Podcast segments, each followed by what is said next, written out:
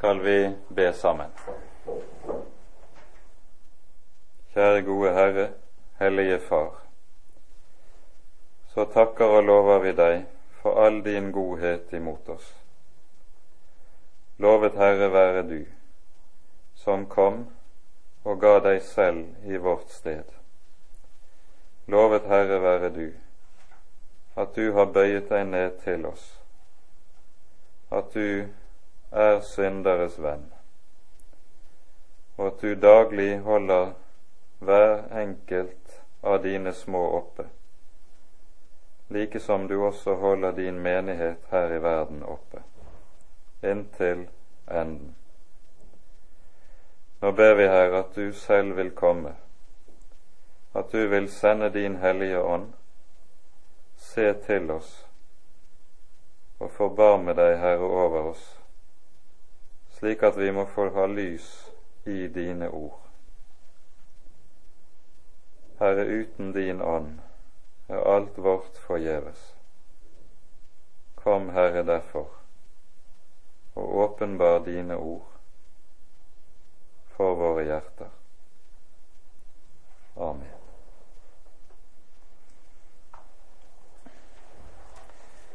Da vi leste innledningskapitlet til åpenbaringsboken sist, så hører vi at Johannes får møte Herren Jesus selv, som kommer og åpenbarer seg for ham. Åpenbarer seg for ham i sin herlighetsskikkelse og dette er et syn som er så majestetisk, så overveldende for apostelen at han synker sammen for Herrens føtter.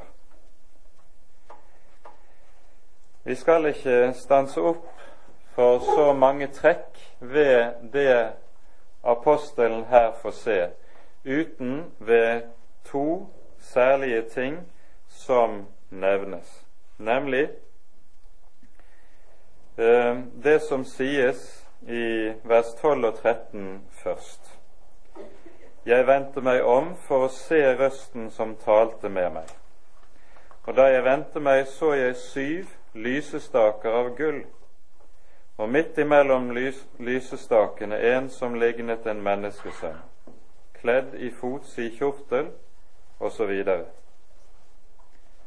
Og så hører vi i vers 16 i sin høyre hånd hadde han syv stjerner.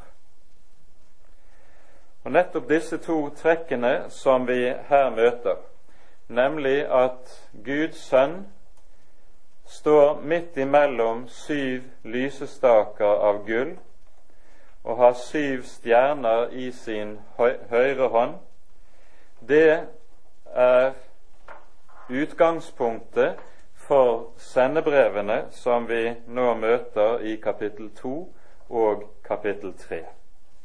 I de to siste versene i det første kapittel så sies det slik.: Skriv da det du så, både det som er, og det som heretter skal skje.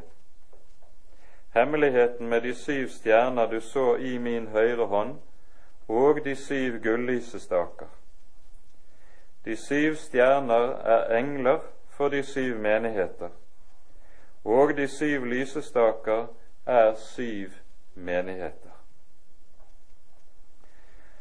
Det vi da skal merke oss allerede i utgangspunktet her, er at når det er tale om syv lysestaker av gull, så er dette et symbol som har sin bakgrunn i tempelet, tabernakelet, som vi hører om i Det gamle testamentet.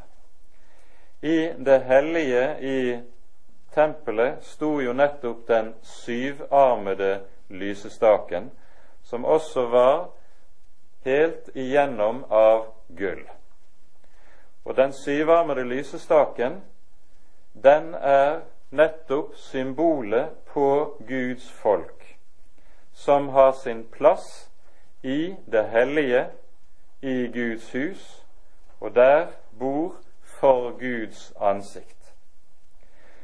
Og så er det en lysestake der nettopp det er tent lys. Lys som skal skinne både dag og natt. Og det er denne symbolikken som ligger bakom når Jesus taler til disiplene i bergprekenen og sier til dem dere er verdens lys. Slik er Guds folk sammenlignet nettopp med lysestaker som er lys i verden som ellers er mørk. Så hører vi om de syv stjernene som er i hans høyre hånd. De er engler for menighetene. Og Når vi leser disse syv sendebrevene som vi finner i kapittel 2 og 3, så er det jo også slik at disse er stilet til engelen for menigheten der og der. Skriv til engelen for menigheten i Efesos. Skriv til engelen for menigheten i Smyrna, osv. Og, og så har en undret seg over hvem er disse engler for menighetene. Det vi da skal være klar over, er at ordet engel jo er et ord som rett og slett betyr budbærer. Og I Bibelen kan dette ordet brukes både om en menneskelig budbærer, like som det også, og det er jo den vanlige bruken av dette ordet, at det kan brukes om Guds himmelske budbærere, og som vi da også kaller engler i vårt språk. Det som er bakgrunnen for begrepet i denne sammenheng, det er at i den første kristne menighet så hadde en overtatt svært meget av synagogens måte å organisere menighetslivet på. Og det på en slik måte at også de ulike tjenester embeter, om du vil, de var oppkalt og bar samme navn som de hadde i synagogen. Og nettopp i synagogen var det et embete som var kalt menighetens engel. Shaliah Tzibur på hebraisk. Og det som var denne personens særegne tjeneste var at denne representerte menigheten. Synagogen representerte jo et eh, omfattende fellesskap som var spredd omkring i hele det veldige Romerriket. Men hver enkelt menighet var ikke en isolert celle, en isolert verden for seg selv. Alle de ulike synagogeforsamlingene eller menighetene var seg bevisst å høre sammen i et stort fellesskap. Og så kunne det ofte være slik at det dukket opp spørsmål, problemer i den lokale synagogeforsamling som en trengte hjelp til å løse. Da hadde forsamlingen en som hadde det særlige embetet å representere forsamlingen, og så skulle han da reise til Jerusalem og forelegge folkets eldste og folkets ledere det som var problemet. Og da representerer han hele sin menighet som sendebud. Og når han da har fått autoritativt svar, skulle han så reise tilbake, og selve hans embete garanterte for at det svaret han så kom tilbake med, var det som var fra Gud gjennom folkets øverste ledere. Det er denne engel for menighetene som nå tilskrives. Og det er nøyaktig på samme måte at engelen for menigheten nå får bud fra Han som er menighetens herre, og så skal budet bringes til menigheten, og han bærer nettopp i kraft av sitt embete med seg garantien for at her kommer han med Herrens eget brev. Det er dette som ligger i denne tittelen. Det er altså en befullmektiget utsendingen for, utsending for menigheten. Det er tale om. Etter hvert så ble den første kristne menighets jødiske røtter borte, og den kristne menighet organiserte seg gradvis på annen måte, og dermed så forsvant også denne embetstittelen som vi her hører om, for å bli erstattet av det som veldig fort kom til å ta plassen, nemlig tilsynsmannsembedet, eller bispeembedet, som i Oldkirken, eller i den, de første kristne menigheter, var slik at det jo, da jo var en tilsynsmann, en biskop, i hver enkelt menighet. Det var først et resultat av den senere utvikling at tilsynsmannen kom til å bli en som hadde ansvar for flere menigheter i omgivelsene. Men det er en annen historie, det skal ikke beskjeftige oss her. Dette er altså bakgrunnen for denne underlige tittel som vi hører her i sendebrevene i åpenbaringsboken. Skriv til engelen for menigheten i Efesos. Det annet vi skal merke oss før vi tar for oss to av sendebrevene som vi skal se nærmere på i kveld, det er det som sies i vers 19 her i kapittel 1. Skriv da det du så, både det som er, og det som heretter skal skje. Vi kan godt si det slik at i sendebrevene så skriver apostelen det som er. Men når det kommer til fremtidssynene, som begynner fra og med kapittel fem av, da skriver han om det som skal komme. Men vi hører nå, og det er det vi skal legge merke til, at apostelen har fått se ikke bare det som ligger foran i tiden, men han har også fått se det som er. Og det er nettopp det som sendebrevene til menighetene stiller foran oss. For her legges det frem for menighetene noe som ikke er umiddelbart synlig for mennesker. Her har apostelen fått se hvorledes menighetene ser ut i Guds øyne, ikke hvordan de ser ut i menneskers øyne. Og vi ser av det vi hører her, at det er til dels himmelvid avstand mellom hvordan mennesker ser på og bedømmer situasjonen og tilstanden i en menighet, og hvorledes Herren ser på og bedømmer situasjonen. Skriv da det du så, både det som er, og det som skal komme. Som et av de klareste eksemplene på det kan vi se f.eks. det som sies i sendebrevet til menigheten i Sardes i begynnelsen av kapittel 1. Her står det slik i det første verset.: Jeg vet om dine gjerninger. Du har navn av at du lever, men du er død.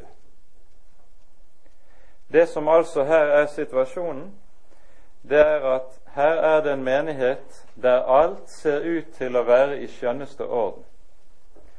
Og folk som også ser på denne menigheten utenfra, de ville også si her er det virkelig ånd og liv.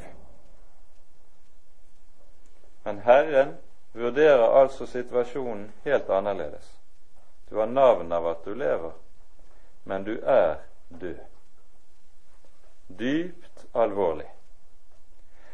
Og Samtidig skal dette lære oss noe om at det å leve rett for Herrens ansikt, det handler om å stille seg inn for Hans øyne og be om at Han får lov til å gjennomlyse oss, både som enkeltmenneske og som menighetsfellesskap. Vi minner om ordene i Davidssalme 139. Ransak meg, Gud, og kjenn mitt hjerte. Prøv meg og kjenn mine mange hånde tanker, og se om jeg er på fortapelsens vei, og led meg på evighetens vei. Vi mennesker har nemlig, både enkeltvis og som fellesskap, en ubeskrivelig evne til å bedra oss selv. Og det fremste selvbedraget, det er jo det som kommer til uttrykk i det som heter egen rettferdighet. Og egenrettferdighet er noe som både kan være et problem for når det gjelder den enkelte individuelt, men også like meget for et fellesskap, for en menighet. Og så er en meget glad og fornøyd med det som er tilstanden i egen menighet og eget menighetsliv. Og så ser kanskje Herren på saken helt annerledes. I disse syv sendebrevene som vi her har for oss, her møter vi bare to sendebrev hvor menighetene får uforbeholden ros. Det er til sendebrevet til menigheten i Smyrna, det er det andre sendebrevet i kapittel 2. Og så er det sendebrevet til menigheten i Philadelphia, som er det nest siste sendebrevet i kapittel 3. Når det gjelder de øvrige sendebrevene og de øvrige menighetene, så er det varierende grad av refselse og dom som rammer disse menighetene. Sardes får vi høre du har navn av at du lever, men du er død. Og noe lignende får lyde om menigheten i Laodikea, som vi skal se nærmere på Og så har du ulike forhold i de ulike menighetene. Det vi da skal merke oss, det er at vi har jo ofte et bilde av oldkirken der, og urkirken, der vi her likesom har den ideelle kristne kirke. Oldkirken og urkirken danner liksom idealet for hvorledes vi som kristne skal tenke om kristent menighetsliv og arbeid osv. I sendebrevene i åpenbaringsboken så får vi sannelig høre at det var slett ikke slik at alt var helt patent den gang heller. Her får vi se hvorledes Herren vurderer situasjonen i den første kristne kirke. Og akkurat som det i våre dager kan være både og, så er det sannelig sånn også i Ålkirken. Hvilket skal lære oss at slett ikke alt som skjedde og gikk for seg i den første kristne kirke, skal danne mal og målestokk for oss. Også vi skal øve oss i å lære oss til at alt skal prøves på Den hellige Skrift. Vi skal ta for oss to sendebrev og se nærmere på dem i denne timen. Og Da gjør vi det slik at vi skal se på de to siste sendebrevene, brevet til menigheten i Filadelfia og til menigheten i Laodikea. Da begynner vi i kapittel 3 og leser fra vers 7 her. Skriv til engelen for menigheten i Filadelfia. Dette sier den hellige, den sanddrue, han som har Davids nøkkel, han som lukker opp og ingen lukker til, og lukker til og ingen lukker opp. Jeg vet om dine gjerninger. Se, jeg har satt foran deg en åpnet dør, og ingen kan lukke den til. For du har liten styrke og har dog tatt vare på mitt ord og ikke fornektet mitt navn. Se, jeg lar noen av Satans synagoge komme, av dem som sier de er jøder, men ikke er det. Se, jeg vil gjøre så at de skal komme og falle ned for dine føtter og kjenne at jeg har elsket deg. Fordi du har tatt vare på mitt ord om tålmodighet, vil jeg fri deg ut fra den prøvelsens stund som skal komme over hele jorderiket, for å prøve dem som bor på jorden. Jeg kommer snart. Hold fast på det du har, for at ingen skal ta din krone. Den som seirer, ham vil jeg gjøre til en støtte i min Guds tempel, og han skal aldri mer gå ut derifra, og jeg vil skrive på ham min Guds navn, og navnet på min Guds stad, det nye Jerusalem, det som kommer ned fra himmelen, fra min Gud, og mitt navn det nye. Den som har øre, han høre hva Ånden sier til menighetene.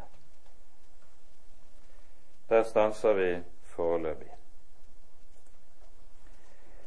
Dette er altså et av de sendebrevene der vi hører Herrens uforbeholdne ros til en menighet. Og så ville vi tenke som så at når Herren virkelig roser en menighet, så måtte det være slik at her har vi for oss riktig en mønstermenighet, der alt er på stell, og der alt er sånn som det burde og skulle være. En slik menighet har vi eksempel på i sendebrevene, nemlig i menigheten i Efesos, der vi hadde første sendebrevet i kapittel to. Der var det riktig en mønstermenighet. Alt var sånn som det skulle være. Her hadde de virkelig innrettet seg som en burde innrette seg i en kristen menighet etter Guds ord. Og så sier Herren likevel, men jeg har imot deg at du har forlatt din første kjærlighet. Det går altså an å ha alt rett, og så er likevel det grunnleggende galt. Det er det som det handler om også i sendebrevet til Laodikea. Men når det gjelder menigheten i Filadelfia, hvordan er det der? Her er det en menighet der det ser ut som det helst er motsatt. Det er en liten menighet. Den er svak. Den kan ikke rose seg av at her er det stor kirkevekst. Den kan ikke rose seg av at her er det tilstrømning, og her lykkes arbeidet på alle kanter. Tvert om, de er små, de kjenner seg små og hjelpeløse, og de kjenner det som, og det ser vi nettopp av det som sies i dette sendebrevet, at det er som om alle dører er stengt for dem. Slik opplever vi det, de det. Og så sier altså Herren, jeg har satt foran deg en åpnet dør. Legg merke til at denne setningen innledes med et se. Se, jeg har satt foran deg. Når dette lille ordet 'se' dukker opp i vår bibel, skal vi være klar over at da sier Herren noe som er overraskende og uventet for de som hører det. Og Derfor skal de nettopp av den grunn skjerpe oppmerksomheten i forhold til det de hører. Se, jeg har satt foran deg Når Herren sier det, så er det på bakgrunn av det han sier om seg selv i vers 7. Dette sier den hellige, den sandrue, den som har Davids nøkkel, som lukker opp og ingen lukker til, osv. Det som er viktig her, og det gjelder i alle sendebrevene, at de begynner med at Herren sier bestemte ting om seg selv. Og hvorfor gjør han det? Hvorfor går han så å si ikke rett på sak, men sier først dette sier han som, og så sier han ulike ting om seg selv? Jo, poenget er jo det at Herren gjennom å kunngjøre hvem han er, dermed også sier hva som er hans gjerning for menigheten. For det som alltid er det mest avgjørende for en kristen menighet, det er nettopp å kjenne Herren som Han er. Vet vi nemlig hvem vi har med å gjøre, da vet vi også både hva Han vil gjøre, og kanskje også hva vi har å gjøre. Begge deler. Men vet vi ikke hvem vi har med å gjøre, da kan vi fare hit og dit, og så blir det bare støv og røk av det hele. Det blir ingenting. Nå sier Herren altså om seg selv dette sier den hellige. Det er det første vi skal merke oss. Jesus er den hellige. I Bibelen, særlig i Det gamle testamentet, er jo dette et navn på Gud. Det er Guds navn. Herren kaller seg i Det gamle testamentet meget ofte nettopp for Den hellige. Dermed sier Jesus for det første om seg selv at han er Gud, den Gud som åpenbarer seg i Det gamle testamentet. Og for det andre sier han noe helt avgjørende om seg selv. Og dermed om hvorledes vi skal forholde oss til ham. Her skal vi minne om det som står i Jesaja-boken i det åttende kapittel.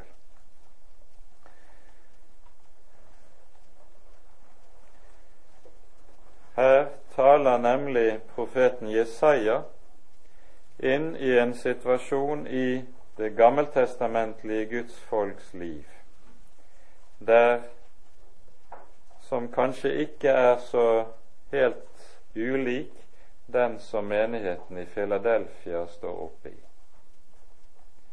Det er meget få troende igjen i Jerusalem og i Israel ved denne tid det meste av folket er falt fra. Og disse få og hjelpeløse troende, de kjenner seg uendelig fattige i møte med alt som skjer. Og så står det nå i vers 13. Herren, herskarenes Gud, ham skal dere holde hellig, for han er den hellige. Han skal være deres frykt, han skal være deres redsel. Og så tales det til de små i fortsettelsen. Vi rekker ikke mer i denne sammenheng. Men merk, når Herren taler om seg selv som den hellige, så er det alltid tale om Herren som den Gud som skal fryktes.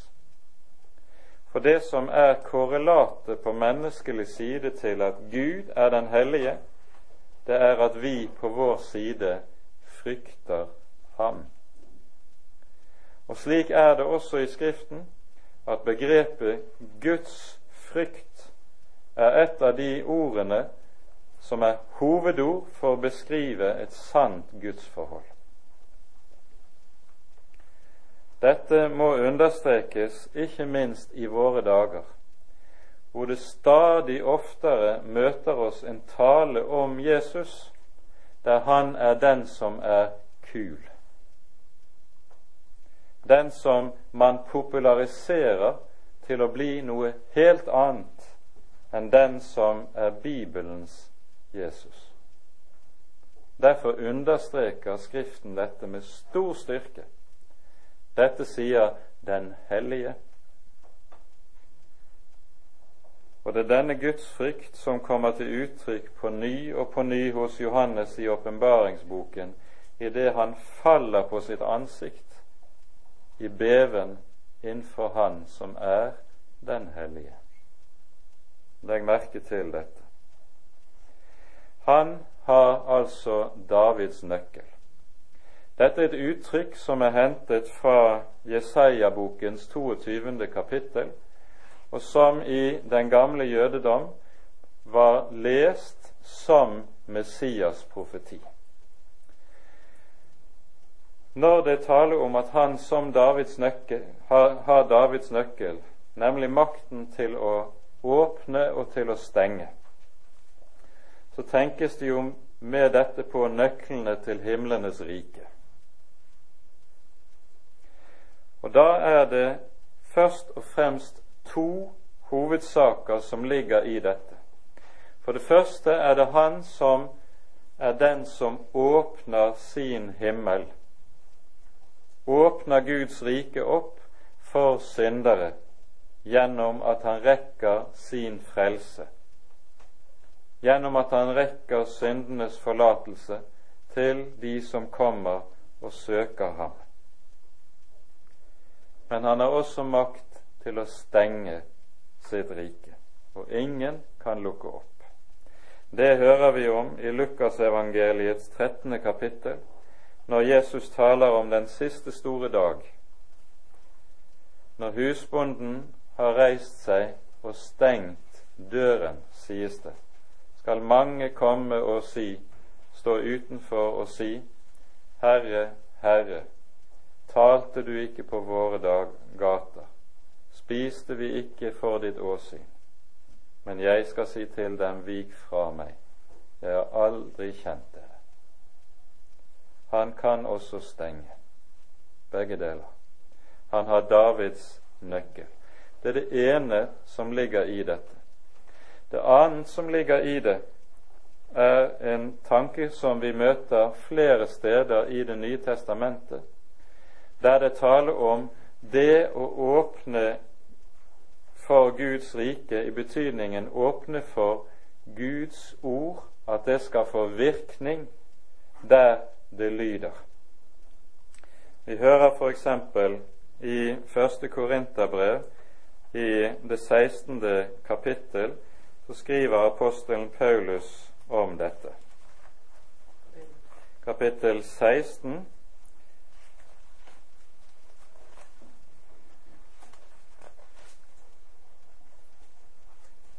Her sies det slik i vers 8 og vers 9. I Efesos blir jeg inntil pinsen, for en stor og virksom dør er opplatt for meg, og der er mange motstandere. Merk den sammenstillingen som vi der hører. Vi tenker jo ofte slik at hvis det er mange motstandere, så er det et tegn på at da er veien stengt, da er døren lukket. Men her sies det altså stikk motsatt. Nettopp når det er mange motstandere, da er døren altså åpnet for evangeliet. Og Dette er da også noe som vi stadig ser i Kirkens historie. Der Guds ord, der Guds folk utsettes for motstand, for trykk, for forfølgelse, der er det Guds ord har fremgang. Men der Guds folk ikke møter slikt, der ser det ut til at der lukkes dørene til. Og Nettopp slik var det også for disse i Filadelfia. De opplevde seg som slike som sto under sterk motstand. Vi hører antydninger om hvor motstanden kommer fra i vers 9. De møtte baktalelse. De møtte mennesker som på enhver måte søkte å stenge døren for dem, og de opplevde seg situasjonen slik at de selv ikke hadde noe å stille opp imot denne motstand og det trykk som de ble utsatt for. Og så er det inn i den situasjonen at Herren sier, Se, jeg har satt foran deg en åpnet dør.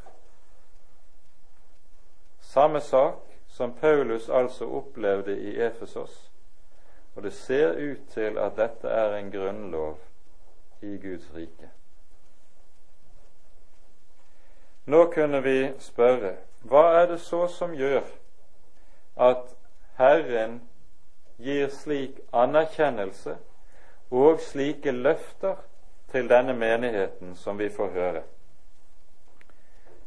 Jo, det settes ord på her i vers 8. Det sies For du har liten styrke. Og så står det videre og har dog tatt vare på mitt ord. Og Her er vår bibeloversettelse unøyaktig, for dette ordet 'dog', eller i Bibelselskapets oversettelse står det et 'likevel', det står ikke i grunnteksten. Det som er meningen når en omsetter teksten slik, blir jo da du har liten styrke, og på tross av dette har du tatt vare på mitt ord. Men da har man nettopp snudd meningen i ordet på hodet. For her er poenget det. Du har liten styrke og har nettopp av denne grunn tatt vare på mitt ord. Saken er nemlig den at det er bare de som har liten styrke, som tar vare på Herrens ord. De som er sterke i seg selv, de som har sitt på det tørre og som får det til, de tar ikke vare på Herrens ord. Hvorfor? Jo, fordi de nettopp i kraft av sin styrke er selvhjulpne og derfor ikke lenger avhengige av Herren. I Guds rike går det aldri an å være for svak, men det går meget godt an å være for sterk. I Guds rike går det aldri an å være for liten, men det går meget godt an å være for stor. For saken her er det at på ny og på ny hører vi i vår bibel at Herren utvelger seg det som ingenting er, for å gjøre til skamme det som er noe. Og så er det altså den som har liten styrke, som tar vare på Herrens ord. Og derfor også søker Herren og ikke fornekter Hans navn. Nettopp fordi de er hjelpeløse, søker de inn til Herren Jesus på ny og på ny. Og så blir de mer og mer bundet til ham. Det er hemmeligheten i denne lille menighet. Og så får de et forunderlig løfte. Se, jeg lar noen av Satans synagoge komme, av dem som sier de er jøder og ikke er det, men lyver. Jeg vil gjøre det slik at de skal komme og falle ned for dine føtter og kjenne at jeg har elsket deg. Her er det en menighet som ikke har funnet ut Som har funnet nøkkelen til kirkevekst. De aner ikke hva de skal gjøre. Her er det en menighet som ikke har funnet nøkkelen til hvordan de skal gjøre det for å nå folk. De har ingen fikse løsninger. Men hva skal skje? Det skal komme noen. Og så sies det de skal falle ned for deg og kjenne. Hva skal de kjenne? At de Her er det tale om noen som er prektige kristne. De skal kjenne at her er det noen som har fått til det med å leve som kristen, fått til helliggjørelsen og alt. Nei. Det er én ting de skal kjenne at 'jeg har elsket deg'. Her er det noen som er så små at de har sitt liv i dette ene, at de er gjenstand for Herrens miskunnhet, gjenstand for Herrens omsorg. Og så er det det som blir synlig. Legg merke til det. Jeg var for en tid tilbake på et møte der det var en som reiste seg og sa som følger Det som er det viktigste av alt, er at vi er brennende for Jesus, og at folk kan se det. Ja, er det det som er viktigst av alt? I Filadelfia hører vi det motsatte. Her hører vi at det er noen som slett ikke får til det å være brennende, men får lov til å oppleve at Jesus er brennende i sin omsorg og i sin kjærlighet overfor dem. Det er noe annet, det. Her tales det ikke om oss og vårt og hva vi skal få til. Men her tales det om de skal kjenne at 'jeg har elsket deg'. Legg merke til det.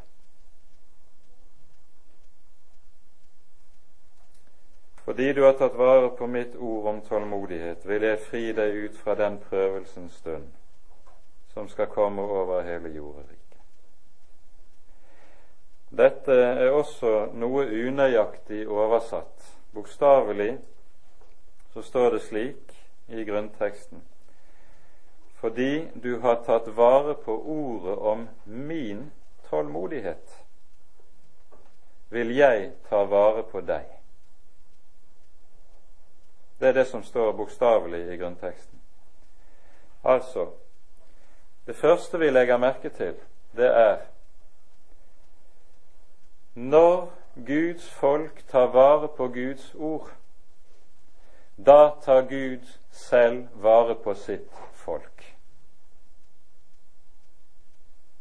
Det er altså ikke slik at Guds folk skal bevare seg selv. Det er Herren som bevarer sitt folk, og han bevarer sitt folk når hans folk tar vare på hans ord. Det er også en grunnlov i, Guds rike. Og hvilket Guds ord er det Herrens folk tar vare på? Det står 'fordi du tar vare på ordet om min utholdenhet', sies det. Kristi utholdenhet, det er den som kom til syne i hans lidelse. Det er den som kom til syne på korset. Det er den som han la for dagen i det han bar våre byrder. Og så er det slik at ordet om hans utholdenhet, det er blitt det mest verdifulle jeg eier. For dette ordet som er omsatt med å ta vare på, det er et ord som ellers i Det nye testamentet brukes om det å ta vare på verdisaker. Har du noe som er riktig kostbart og verdifullt for deg, så lar du det ikke ligge og slenge omkring, men du passer meget godt på det for at det ikke skal komme bort for deg. Og slik er det med ordet om Kristi utholdenhet. Det er et ord som er blitt så verdifullt for meg at er det noe jeg ikke vil miste, så er det dette ordet. Ordet om ham, det kan jeg ikke slippe fra meg. Ordet i evangeliet om hva Jesus har gjort for meg, det må jeg holde på, om jeg så mister alt annet. Det er nøkkelen. Så lover han, fordi du har tatt vare på ordet om min utholdenhet, vil jeg ta vare på deg gjennom den prøvelsens stund som skal komme. Altså, Det står altså ikke at han vil fri ut fra prøvelsens stund som skal komme. Det vil si at de som bevarer Herrens ord, skal slippe trengsel og prøvelser. Nei, de som tar vare på Herrens ord, skal få sin del av det òg, sammen med andre mennesker. Men de har et løfte 'Jeg vil ta vare på deg'. Jeg vil beskytte deg. Jeg vil bære deg igjennom alt det som skal komme. Det er løftet. Og dette er det altså Herren sier til denne lille menighet, der det altså så ut som at her var det ganske smått bevendt med både det ene og det annet. Jeg kommer snart, sier han.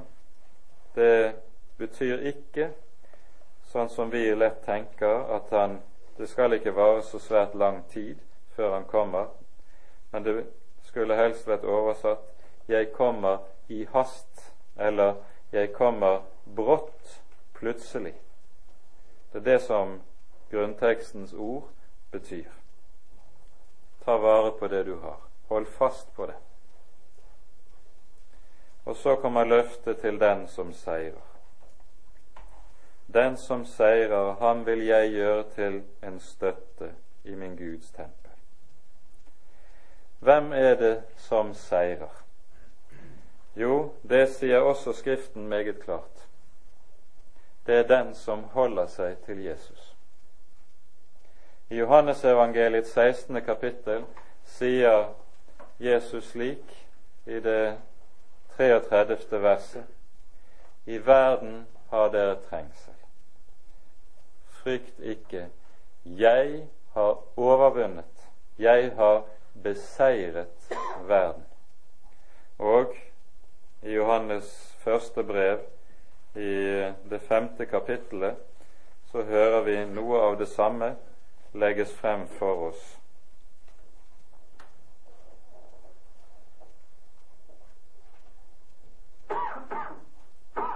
Vi leser vers 4 og vers 5 her. Alt det som er født av Gud, seirer over verden.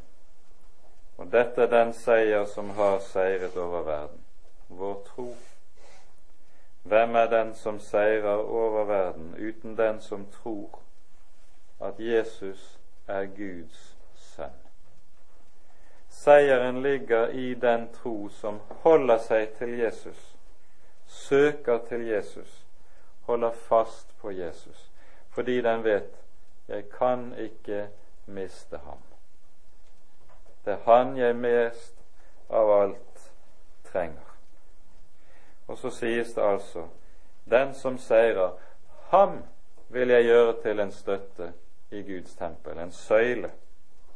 Disse som altså er så små, så svake, og der det er så puslete her i tiden, de skal bli det motsatte. De skal bli søyler i Herrens hellige tempel i fullendelsen. Og så lyder det videre Jeg vil skrive på ham min Guds navn. Det er velsignelsen som hører sammen med seier. For det vi skal legge merke til, er at når vi hører velsignelsen lyses i Fjerde Moseboks sjette kapittel Herren velsigne deg og bevare deg. Herren lar sitt ansikt lyse over deg og være deg nådig. Herren løfte sitt åsyn på deg og gi deg fred. Så sies det etter at teksten er gitt som for velsignelsen som Aron skal lyse, så sies det således skal du skrive mitt navn på Israels barns hjerte. velsignelse består i at Herrens navn skrives på oss. Og Dermed så sies det, for her i dette ligger det et bymerke. Akkurat som sauen får merke i øret som forteller hvem den tilhører, så setter Herren slik sitt navn på de som hører Han til. Du er min. Og hva det som er hans, det tar han seg av, det beskytter han. Akkurat som vi passer godt på vår eiendom, så passer han godt på sin eiendom. Han har satt sitt navn på sine. Og når det også sies at han skal skrive på den navnet på min Guds stad, det nye Jerusalem, som altså omtales i kapittel 21 i åpenbaringsboken, så sies det med det her er de som har borgerrett og hjemstavns rett i denne by, i det nye Jerusalem. Med det setter vi punktum for det vi hører om menigheten i Philadelphia. Vi skal si også noen korte ord om menigheten i Laudikea, men det får bli ganske kort. Vi leser avsnittet fra vers 14. Skriv til engelen for menigheten i Laudikea. Dette sier han som er Amen, det troverdige og sandru vitne, opphavet til Guds skapning. Jeg vet om dine gjerninger. Du er verken kold eller varm. Gid, du var kold eller varm. Derfor, da du er lunken vil jeg, og verken kold eller varm, vil jeg utspy deg av min munn. Fordi du sier, Jeg er rik og har overflod og fattes intet, og vet ikke at du er ussel og ynkelig og fattig og blind og naken, så råder jeg deg at du kjøper av meg gull, glødet i ild, for at du kan bli rik, hvite klær for at du kan kle deg i dem, og din nakenhets skam ikke blir åpenbart, og øyensalve til å salve dine øyne med, for at du kan se. Alle dem jeg elsker, dem refser jeg og tukter. Vær derfor nidkjær og omvend deg. Se, jeg står for døren og banker. Om noen hører min røst og åpner døren, da vil jeg gå inn til ham og holde nadvær med ham, og han med meg. Den som seirer, ham vil jeg gi og sitte med meg på min trone, like som jeg har seiret, og satt meg med min Fader på hans trone. Den som har øre, han hører hva Ånden sier til menighetene.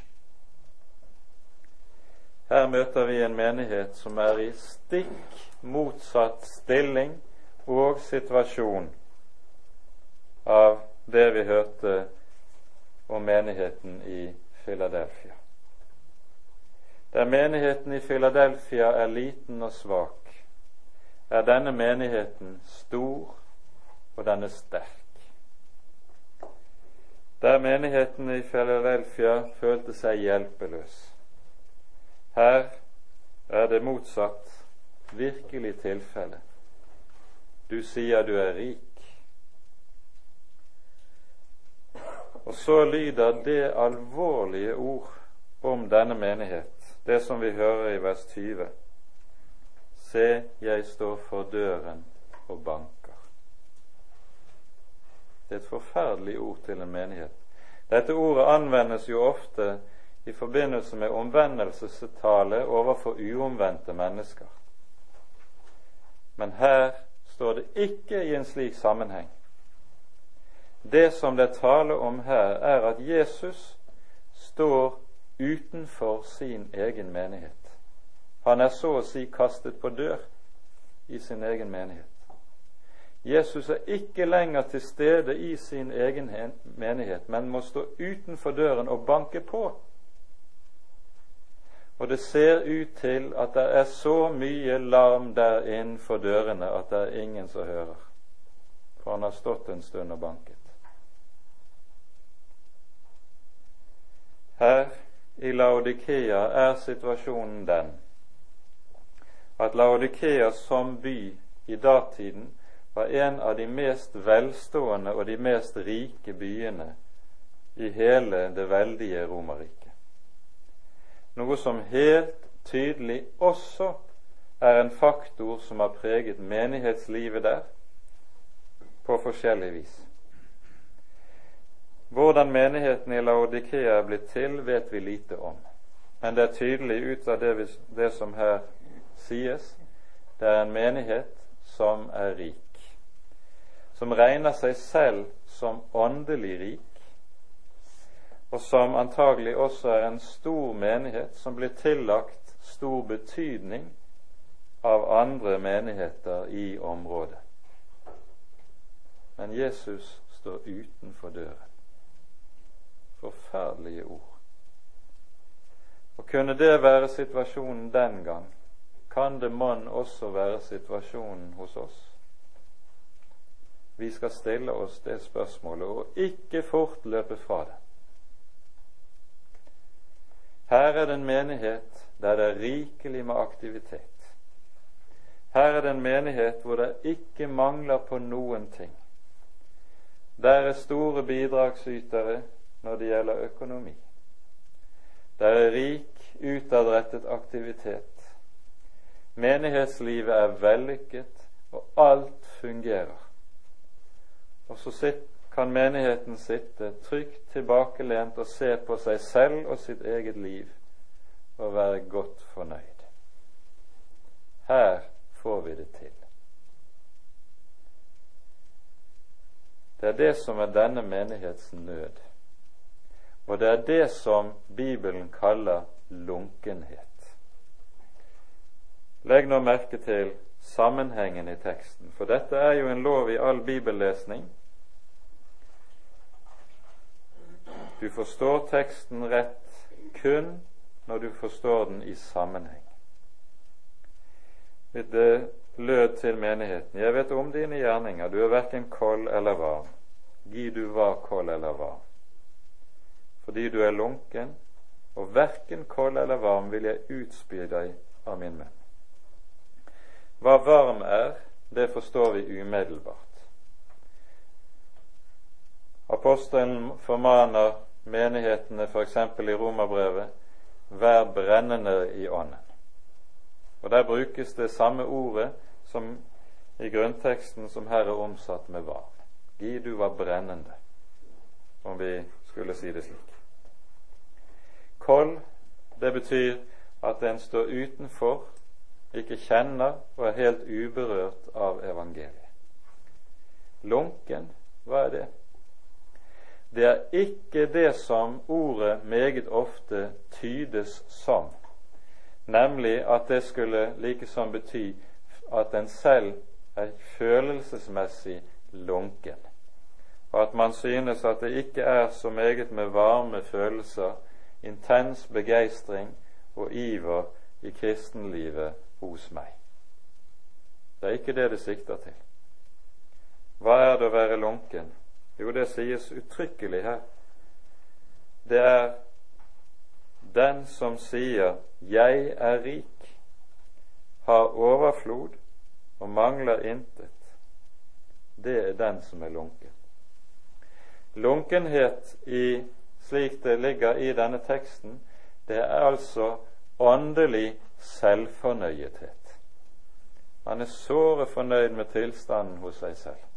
Det er å være lunken. Og det har det aller tetteste og næreste slektskap med egenrettferdigheten. Og det er intet Gud har større problemer med enn egenrettferdighet.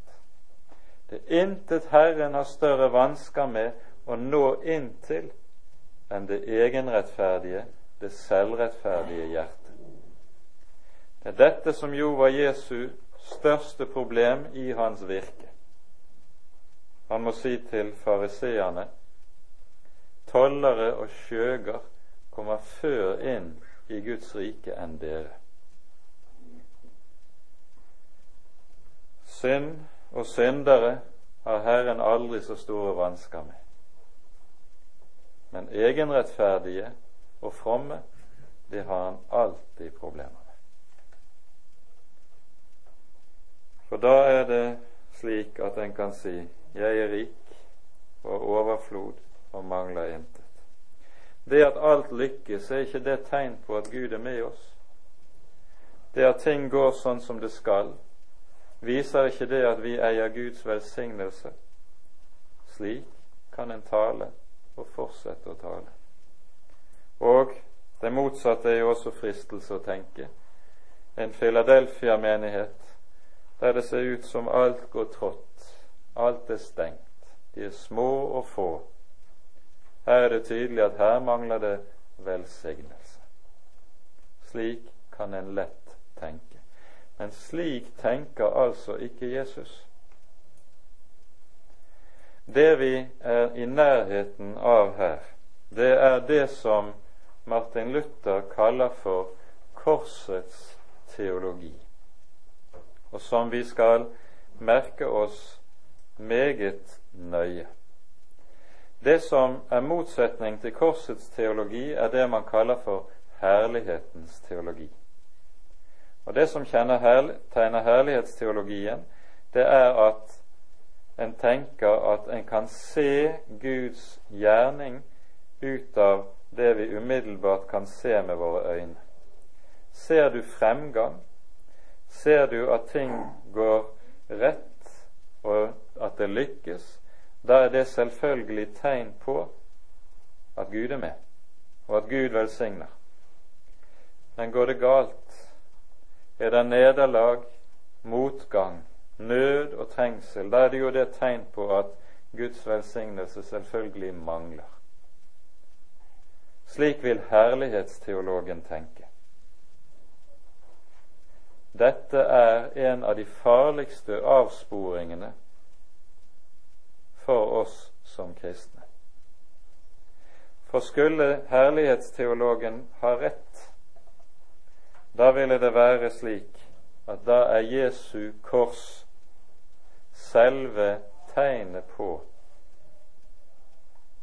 at Guds sønn mislyktes i sin gjerning. Selve kjernen i Jesu gjerning lå jo just i korset. I menneskers øyne ser korset ut som det endelige nederlag, den ytterste skam, den ytterste fornedrelse. Men nettopp i det som i menneskers øyne ser ut som avmakt, ligger Guds seier over alt som ondt er. Nettopp i det som i menneskers øyne ser ut som nederlag, der ligger Guds vei inn i seieren, livet og overvinnelsen av synd og alt ondt. Derfor er det også slik at det å stå under korset her i tiden, det er å eie Guds velsignelse. Men det å være uten korset, det er å bli fremmed for Gud. Da blir en som menigheten i Laodikea. Derfor skal vi ikke la oss lure og bedra av fremgang og av at det er enkelte som lykkes, og at det kommer store skarer i mange sammenhenger. At det er kirkevekst og liv i leiren, betyr ikke nødvendigvis at Herren er til stede. Kanskje var det Laudikea som igjen kom inn på historiens arena. Spørsmålet er alltid dette ene er korset er her, er evangeliet her, da er Herren her. For det som kjennetegner Guds folk alltid, og det er ikke noen regel fra det unntaket, det er det som Jesus sier i bergpreken. Salige er de fattige i ånden for himlenes rike er deres. Ordet fattig det betyr egentlig en tigger. Og hva er tiggeren? Det er den som mangler alt, og derfor er henvist til med tomme hender å be om å få det aller nødvendigste. Det er tiggeren. For det, å, det som er den rette styrke for Guds folk, det er alltid å være avhengig av Herren, ikke å være sterk i seg selv. Det gjaldt Philadelphia. Det var det Laudikea var kommet bort fra. Og så må Jesus gå i rette med menigheten i Laudikea. Og han gjør det med forferdelige ord og med skarpe ord. Men da skal du også legge merke til at selv når Jesus taler som aller skarpest, så gjør han det ikke fordi han vil sende dem fra seg, ikke fordi han vil gi dem opp. Han gjør det ikke fordi han ikke bryr seg om dem. Tvert om.